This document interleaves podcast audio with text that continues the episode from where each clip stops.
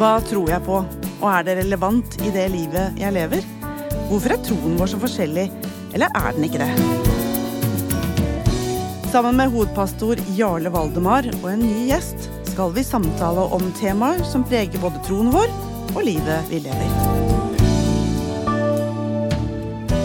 Velkommen til podkasten fra Filadelfia-kirken Drammen. Du hører på Troen og livet, og jeg heter Gunn-Hilde Brun Pedersen.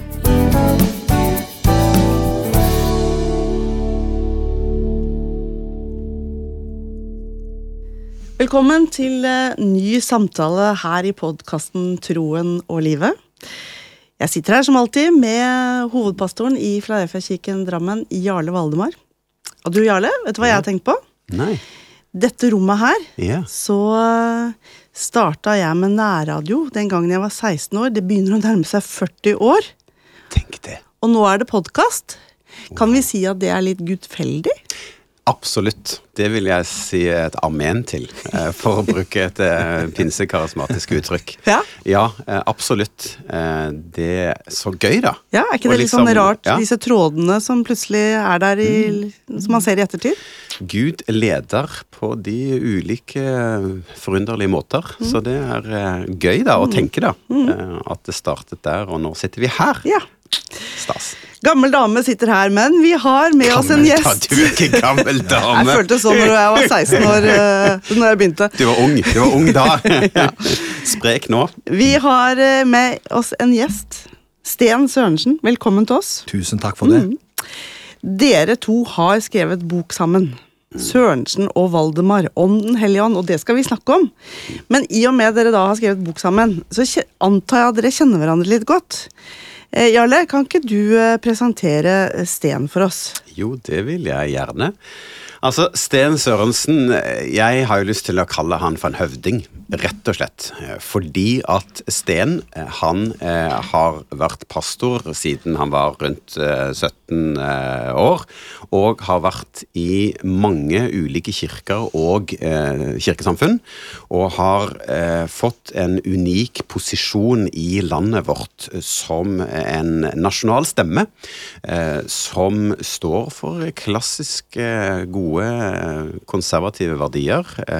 Han tør å tale, og eh, har et godt hjerte. Og han har skrevet en, eh, ja, opp mot 30 bøker, eh, og eh, er eh, produktiv som meg.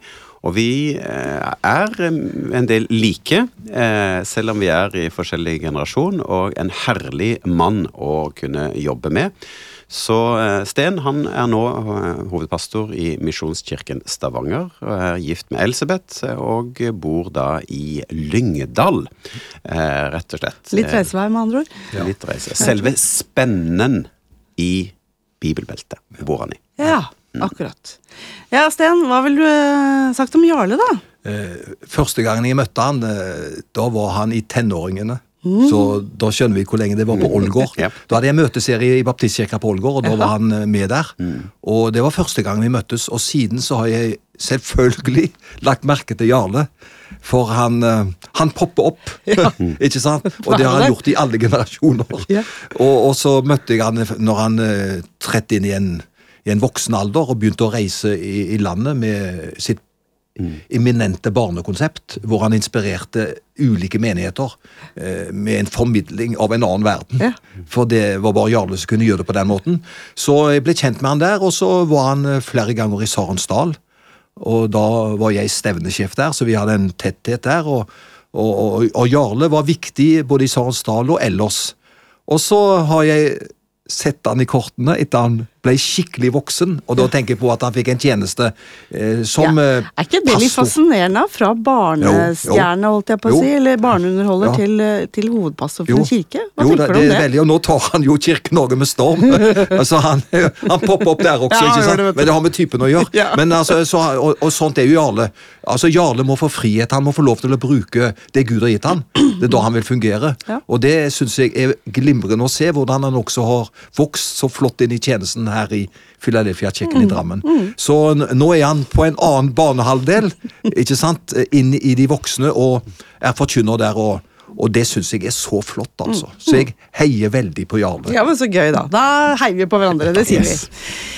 Vi skal snakke om Den hellige ånd, og så, eh, men først må vi ha eh, fem kjappe på deg, Sten. For vi må prøve å bli litt kjent med deg sånn litt utover den kristne sfæren.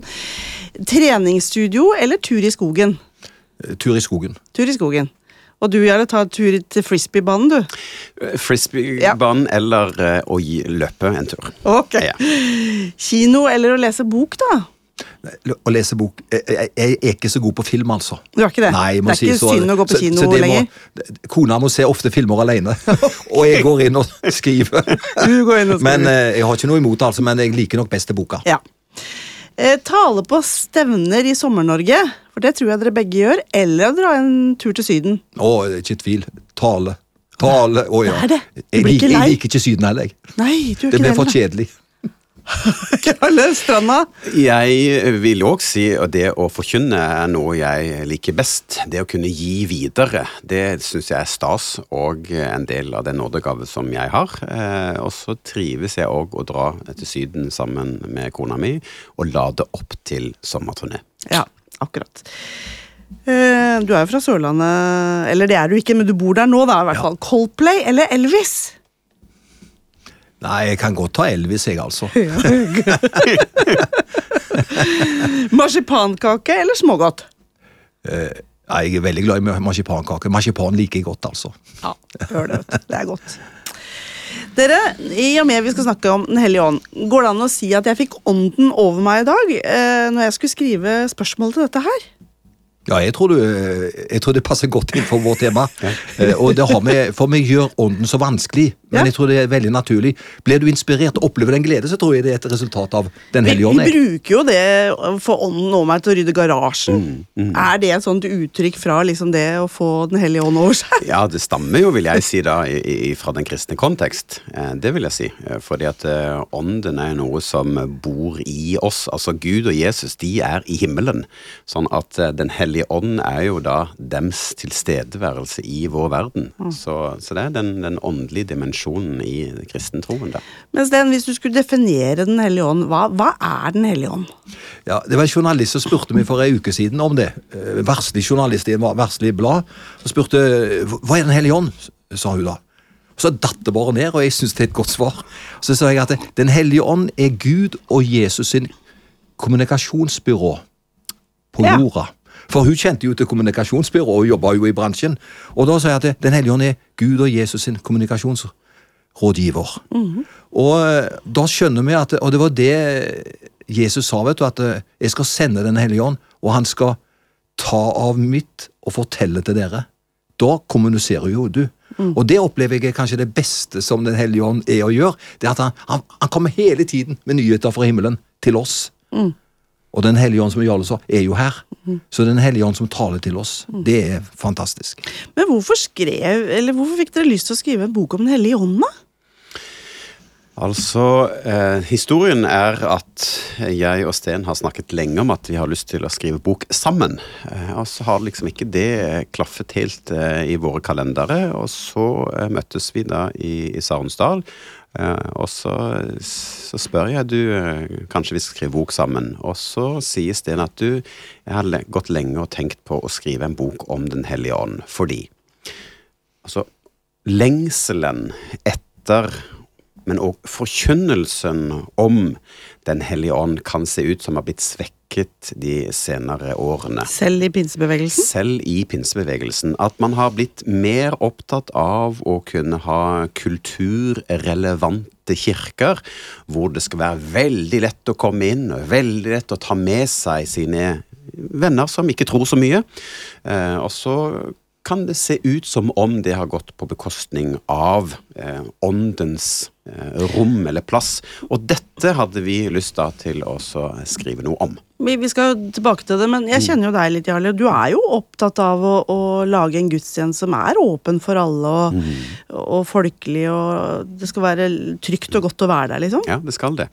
Eh, og dette kan jo oppleves som et spenn. At du må enten legge til rette for Den hellige ånd, eller å være da kulturrelevant eller på en måte tilgjengelig.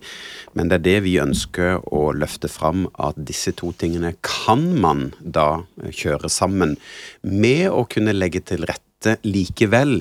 Fordi at vi kan nok lett tenke at ånden opererer kun slik det var på 80- og 90-tallet, og det, sånn virker Den hellige ånd.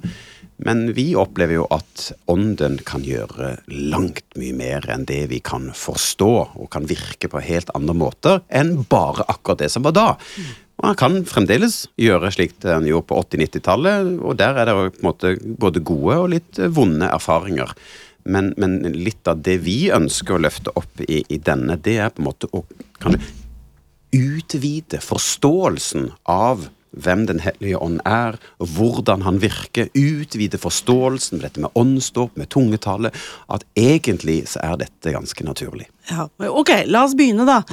Du nevnte altså Nådegaver er jo et ord. Og det er visdomsord, og det er gave til tro og helbredelse. Og holdt på å si kanskje den mest kjente er tungetale. Hva er tungetale?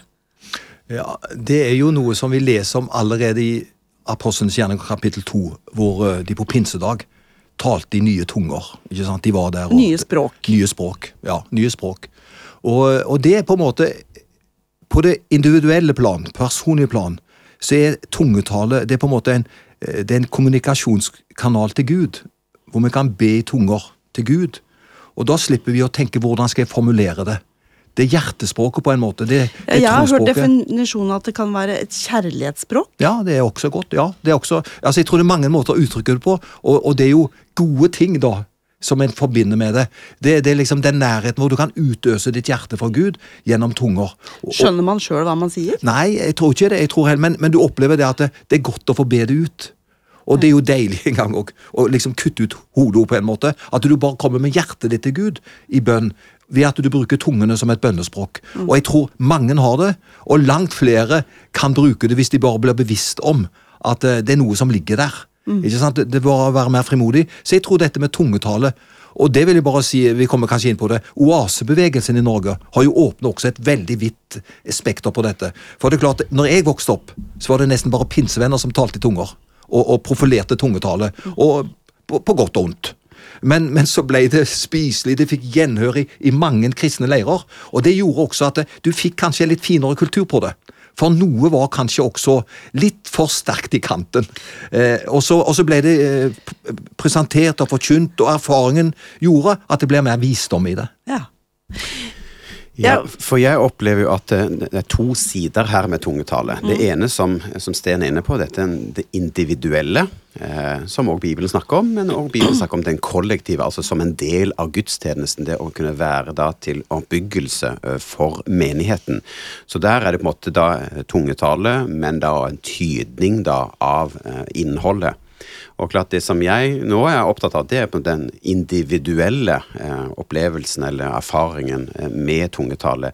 At det er et hemmelig bønnespråk eh, fra mitt hjerte. Jeg kjenner ikke innholdet selv, men jeg har kjent så mange ganger at hvis det er ting som jeg skal inn i, som jeg er litt spent ovenfor, som kan være litt nervøs du kan jo nevne NRK-gudstjeneste, du kjenner det, at det er et, et, et, trykk der. Og for meg har det vært så godt å kunne be i tunger, fordi at da, da trenger ikke jeg på en måte prestere og si de peneste bønner, men da kan jeg forme noen ord som jeg ikke selv forstår, men som er fra mitt hjerte til Gud. Og det er jo slik at dette med kristen tro er jo åndelig. Altså, Gud er åndelig. Frelsen er åndelig. Altså, Den hellige ånd er jo åndelig, men likevel nær. Og det er, ja, men da må det òg være et språk i dette åndelige.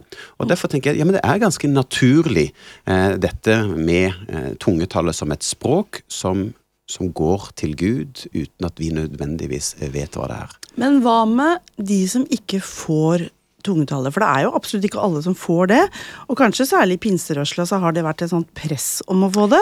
Og jeg har også hørt at uh, folk har opplevd det ganske sånn Altså hvis du sitter i ledelse av en kirke, og ikke da har liksom uh, tungetallet som nådegave, Da føler du deg litt sånn B-lag. Ja, og det tror jeg er det som er da baksiden av denne fantastiske medaljen. Det som både Jarle og jeg har sagt, Vi har jo bare løftet opp dette som en så berikelse. Men det er klart at eh, hvis det blir et press på de som ikke opplever det akkurat på samme måte, da, da føler jeg at da har vi tapt.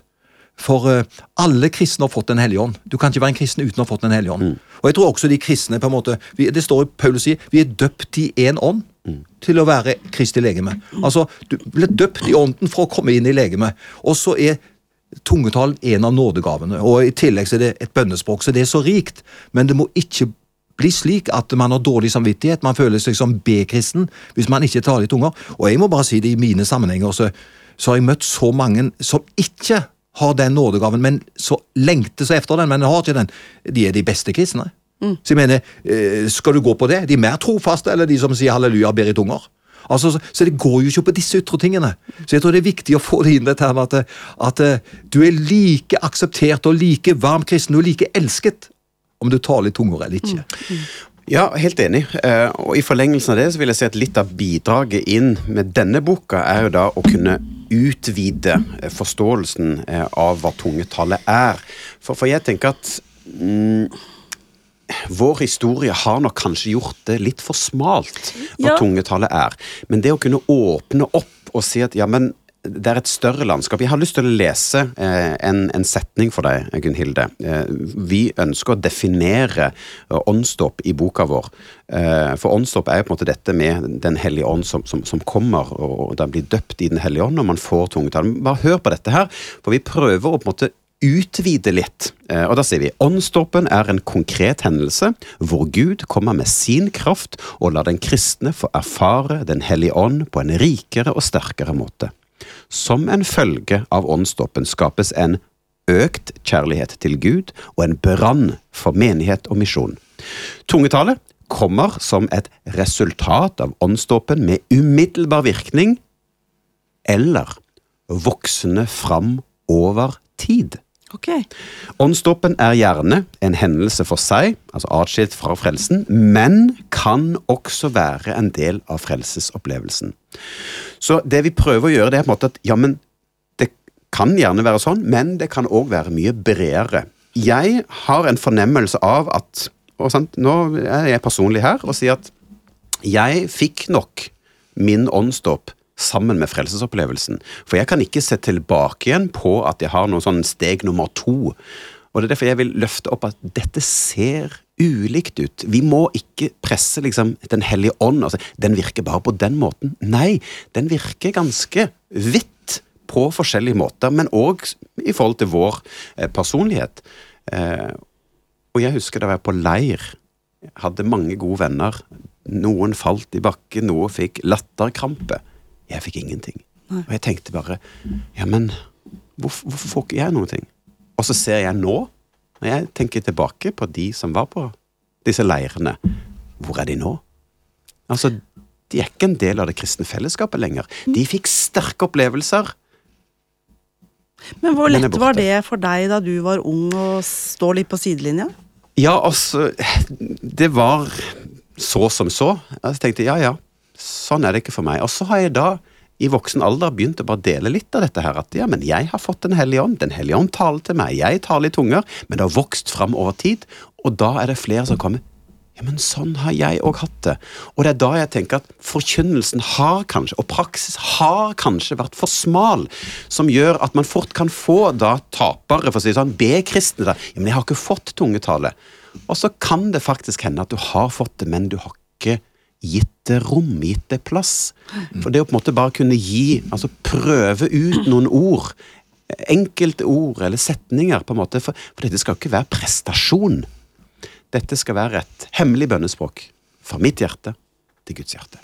Og så tror jeg også at eh, siden jeg er en pinsemenighet nå, så, så er det klart at eh, for en del år siden så var det sterke følelser i forbindelse med dette. Mm. Og, og da ble det liksom, hvis du hadde det sjelslivet som matcha, ikke sant, eh, da var du heldige. Ikke sant? For noen var veldig sånne, lå framme følelser, og, og det tiltalte. De gikk lett gjennom. Mens andre var mer nøkterne, de var en rolig type. De hadde ikke så lett for å komme igjennom på den måten der, for de var annerledes eh, bygd sammen. Og så fikk de høre det etter hvert at det, ja, men det er mange måter å få dette på. Eh, Du, du trenger ikke komme opp i fistel for at det skal skje. Du kan liksom slappe av og være innenfor Herren. Og så kan du oppleve at det, det vokser fram. Og da blir det mer også for de mer eh, hva skal jeg, sindige typene. Altså, og, og det er jo det som er poenget gjennom boka også. Vi vil utvide på en måte perspektivet for å få tak i disse gavene. Vi vil gjøre de eh, tilgjengelige, og at vi kan møte de til ulike bakgrunner som vi har, og ulike mennesketyper som vi også er. Så kan vi få oppleve dette som en rikdom. Og Gud respekterer den måten han har skutt oss sammen på.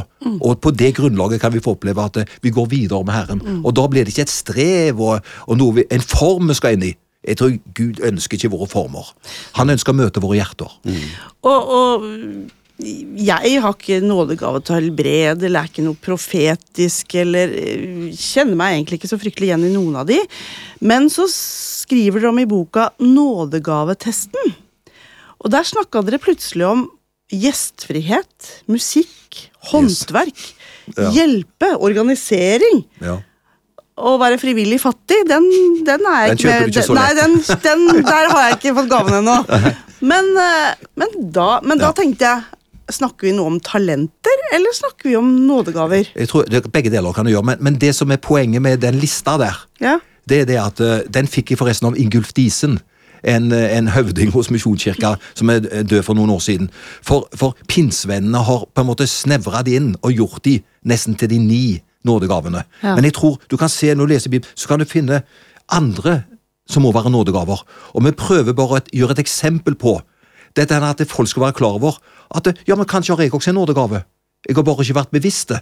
For det står 'enhver av dere', sier Peter, har en nådegave. Så da er det bare viktig å finne 'hvilken er min nådegave'? Og så må vi få lov til å tjene i det, og la de få vokse. Og jeg tror at Gud vil sprenge våre horisonter. Han har så mye mer på sitt eh, repertoar og, og på sitt lager, for å si det sånn. Og, og, og, det vil være at eh, vi kan få oppleve at ja, men dette er spennende. Jeg har fått en ny nådegave. Jeg har fått blitt bevisst dette, og dette skal jeg tjene Gud på. Og så går det litt inn på talenter også. Det er litt sånn eh, glidende overganger her. Veit vi hva vi har av nådegave, eller er vi bevisste? Vi, altså, vi det? det er jo ikke slik at er et kart der vi liksom kan lese av liksom, at du er sånn og sånn og sånn. Jo, man kan ta noen tester for å liksom, se litt i hvilke landskap vi har talenter og nådegaver. Jeg tenker at eh, talent er noe som er født i oss. Men når, altså, nådegaver, det står om, eh, om at eh, Paulus la hånda på Timoteus eh, og, fikk den nådegaven. Og da tenker jeg det, det er på en måte Guds kraft som kommer i tillegg til talentene, og forsterker talentene våre når han kommer med sin kraft. Eh, fordi at man, man har jo ulike eh, naturgitte eh, talenter, og, og, og de skal vi ha. Men når Gud da eh, forløser enda mer, så kan det bety noe eh, samsvar med det jeg leste, at det blir økt kjærlighet og økt brann for misjon og kirke. For det er jo, dette skal brukes på en måte til Guds rike, til Guds ære. Eh, så kan man selvsagt òg bruke nådegaver inn for å, å, gjøre andre ting eh, i livet, men, men likevel, Guds rike er jo så mye større enn akkurat bare kirke. Altså misjon òg, det å kunne bety noe for nabolaget, vår region, vårt land og vår verden. Og jeg tenker også, Når du har fått en nådegave, er det veldig flott sagt, eh, Jarle, at eh, talentet blir forsterka gjennom nådegave, og du får, får det videre. Og, og de som har fått en spesiell nådegave, de er veldig gjerne opptatt av det. Og det som er da er problemet, for vi er jo realistiske når vi snakker her i dag, det er jo at eh, hvis du har fått nådegaven til å be, bønnens gave, Ja. Og du, og du sier at alle må gjøre det som meg, som har den nådegaven. Ja. Eller for eksempel som har evangelistens nådegave. Stikkord Kjell Haltorp. Han kan jo vitne overalt, han. Ja. Det er helt naturlig for han. Om det er på en flyplass eller på et apotek. Han gjør det bare. Men hvis det skal være malen for de som ikke har nådegaven, da vil vi, da vil vi gjøre det så utrivelig for folk. For hvis du ikke har den nådegaven, da kan du ikke tjene på det nivået og på den måten som de som har nådegaven. Og Derfor må vi på en måte se det at det, ja, takk at det er noen som har den spesielle nådegaven. Og så skal jo alle be. Alle skal vitne. Men du gjør det bare ikke, det er bare ikke så blitt forsterka gjennom nådegaven. Og det gjør at det, det blir balansert, og det blir godt å leve. Men gi meg et tips på hvordan kan jeg finne ut hva min nådegave er? Så at jeg kan øh, falle til ro med Ja. at jeg slipper å være Ja. som naboen Ja, ja. eller som hun eller han. Ja, jeg tror de som er tett på deg og lærer deg godt å kjenne, De vil kunne si til deg hvis du spør du, jeg er litt usikker, kan du fortelle hvilken nådegave jeg har? Og det må være noe som kjenner deg. ikke sant? Da vil de si ja, du må jo ha den nådegaven. Ja. Og så du må ha den. Vi ser jo hvordan du, du tjener, vi ser jo hva du er i. Og da tror jeg du vil få bekrefta. Ja, jeg har jo tenkt på det, men jeg har bare ikke tørt å sette ord på det. Okay. Altså, Jeg tror Ja, vi kan hjelpe hverandre med å spille hverandre. For, og det er det som er så trist. Du, noen får aldri høre det. Og de går bare med tankene gjennom hele livet. Men det hadde vært så mye lettere hvis man hadde liksom kunne hatt et sånt åpent, flott forhold. at eh, Man hadde noen sånne Helligåndsseminarer hvor vi kunne snakke om dette, og også hjelpe hverandre og sette ord på nådegavene.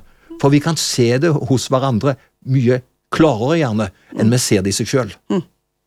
Så er det jo en gave hvor Gud virkelig får eh, på en måte gjennom sin ånd eh, gjort noe. Altså, jeg kjenner jo det at når eh, jeg står og forkynner, så kjenner jeg jo på en måte at det, her virker Gud i det jeg gjør.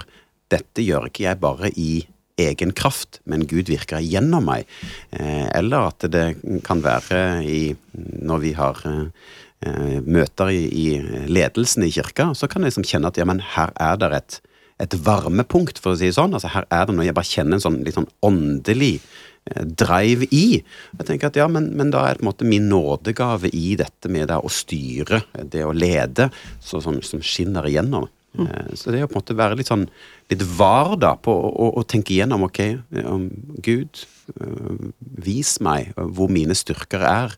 Vis meg hva mine gaver bidrar inn i ditt rike på. Eh, åndens frukt. Altså litt sånn hva som kommer etter deg. Kjærlighet, glede, fred. Sorry at jeg er litt kritisk, men det er ikke alltid jeg opplever at jeg møter det hos kristne.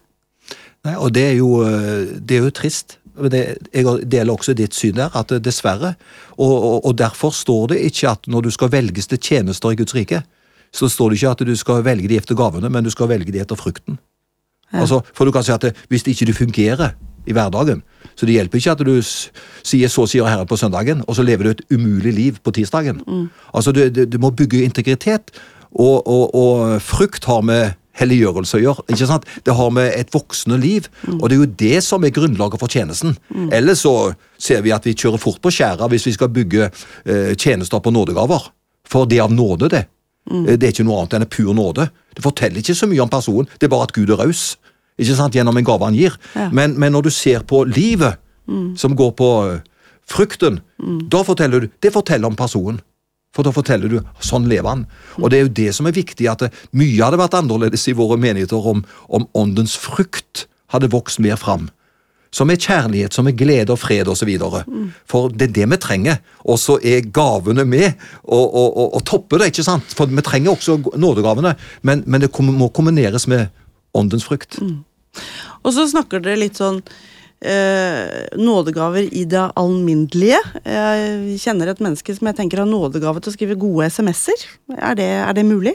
Ja, eh, det er fint, her får vi nye nådegaver her i dag. Så vi er åpne for det. Nei, men altså, Jeg, jeg skjønner hva du er ute efter. på at Noen opplever en sånn glede ved sånne små meldinger. Og Ja. da kan det oppfattes som en nådegave brukt i ditt liv. For du blir så takknemlig for det. Og hvorfor ikke? Ja, oppmuntringens nådegave, tenker jeg. Ja. Ikke sant? Mm, Men hva med det spektakulære, da? Eh, jeg hadde jo en mor som, som opplevde å bli døpt i Den hellige ånd på et møte. Og jeg tror 90% av forsamlingen egentlig ble veldig skremt Mm. av det. Det i hvert fall snakkes i mange år etterpå om da Ja, for, ja, for, for det, kan, de kan, de, de kan være så, så sterkt at, at eh, Gud slår ned så kolossalt hos noen. Og jeg har også eksempler på hvor mennesker fikk oppleve Gud så dramatisk. Men så var det kanskje den måten det skjedde til den personen der. Men det er når vi generaliserer at alle skal oppleve på samme måten, det blir trøbbel. Men for henne så regner jeg med det var ekte. Eh, Og, og, og, det betydde så mye for henne. Derfor må vi ha rom for det ekstraordinære. Og så bygger vi på sant, det som samler oss, og så er vi rause der. Ja, tilbake til dette leiropplegget som jeg nevnte i stad. Eh, For meg har ikke det vært avgjørende i det hele tatt for min tro med, med disse opplevelsene. Jeg har hatt få, jeg har hatt opplevelser, men har ikke hatt mange. Men min tro er stabil og trygg. Eh, Men kanskje fordi da, som fikk denne sterke berøring, så kanskje Gud visste allerede at de kommer til å vandre bort fra kirke, kanskje vandre bort fra tro, men da kan de se tilbake på at jamen, jeg ble møtt av Gud, og det var et spesielt øyeblikk, og kanskje det blir en savn som, et savn da, som kan være med å lede folk tilbake igjen til tro. Men for meg jeg klarer meg veldig fint. Og så er det òg dette med følelsesregister.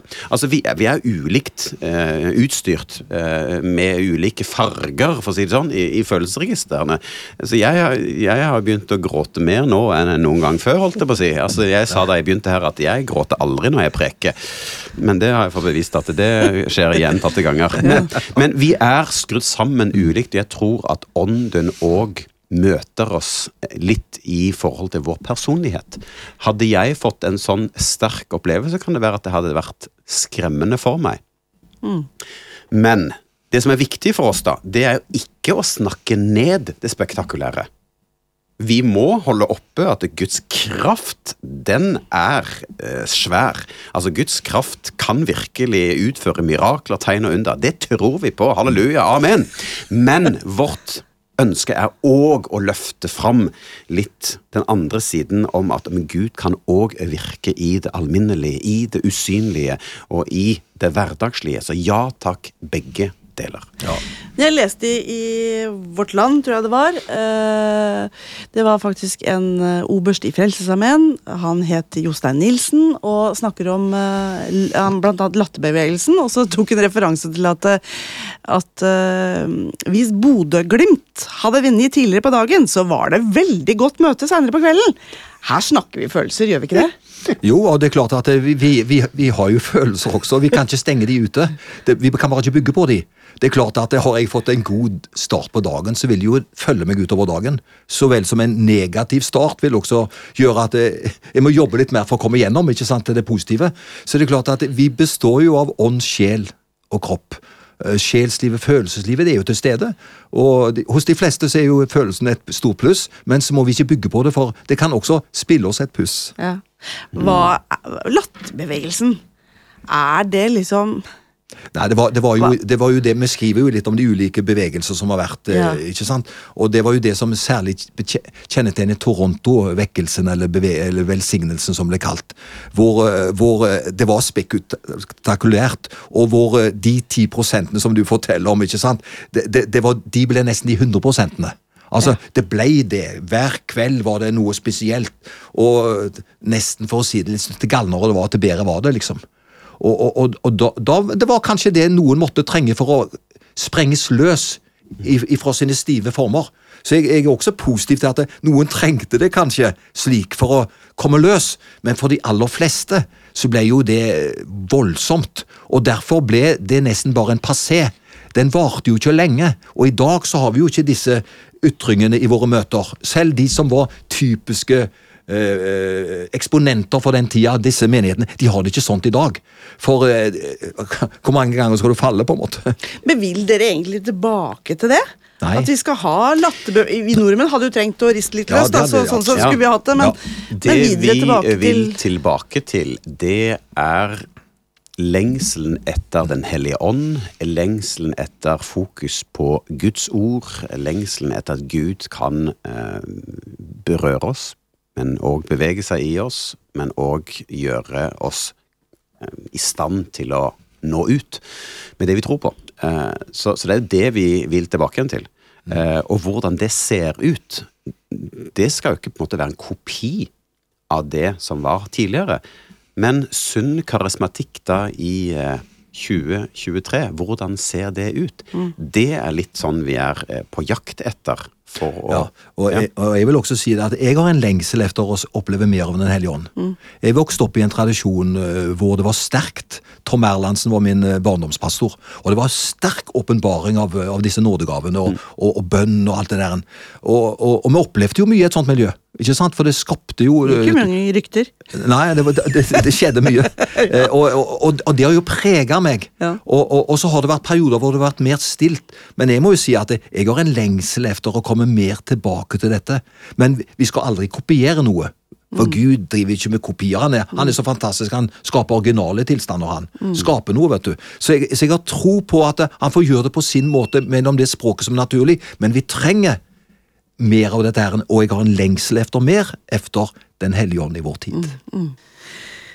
Ja, men eh, takk eh, dere for en god samtale. Eh, Spennende å høre om Den hellige ånd. Og så får vi håpe og tro at den både er i både hjerter og i kirker, og skaper glede og fred hos veldig mange mennesker. Så takk for besøket. Og så eh, høres vi igjen i podkasten Troen og livet. Og har du synspunkter, tanker, så send oss gjerne en mail på post at filadelfiadrammen.no. Og spre det gjerne videre, hvis du likte det du hørte. Vi høres!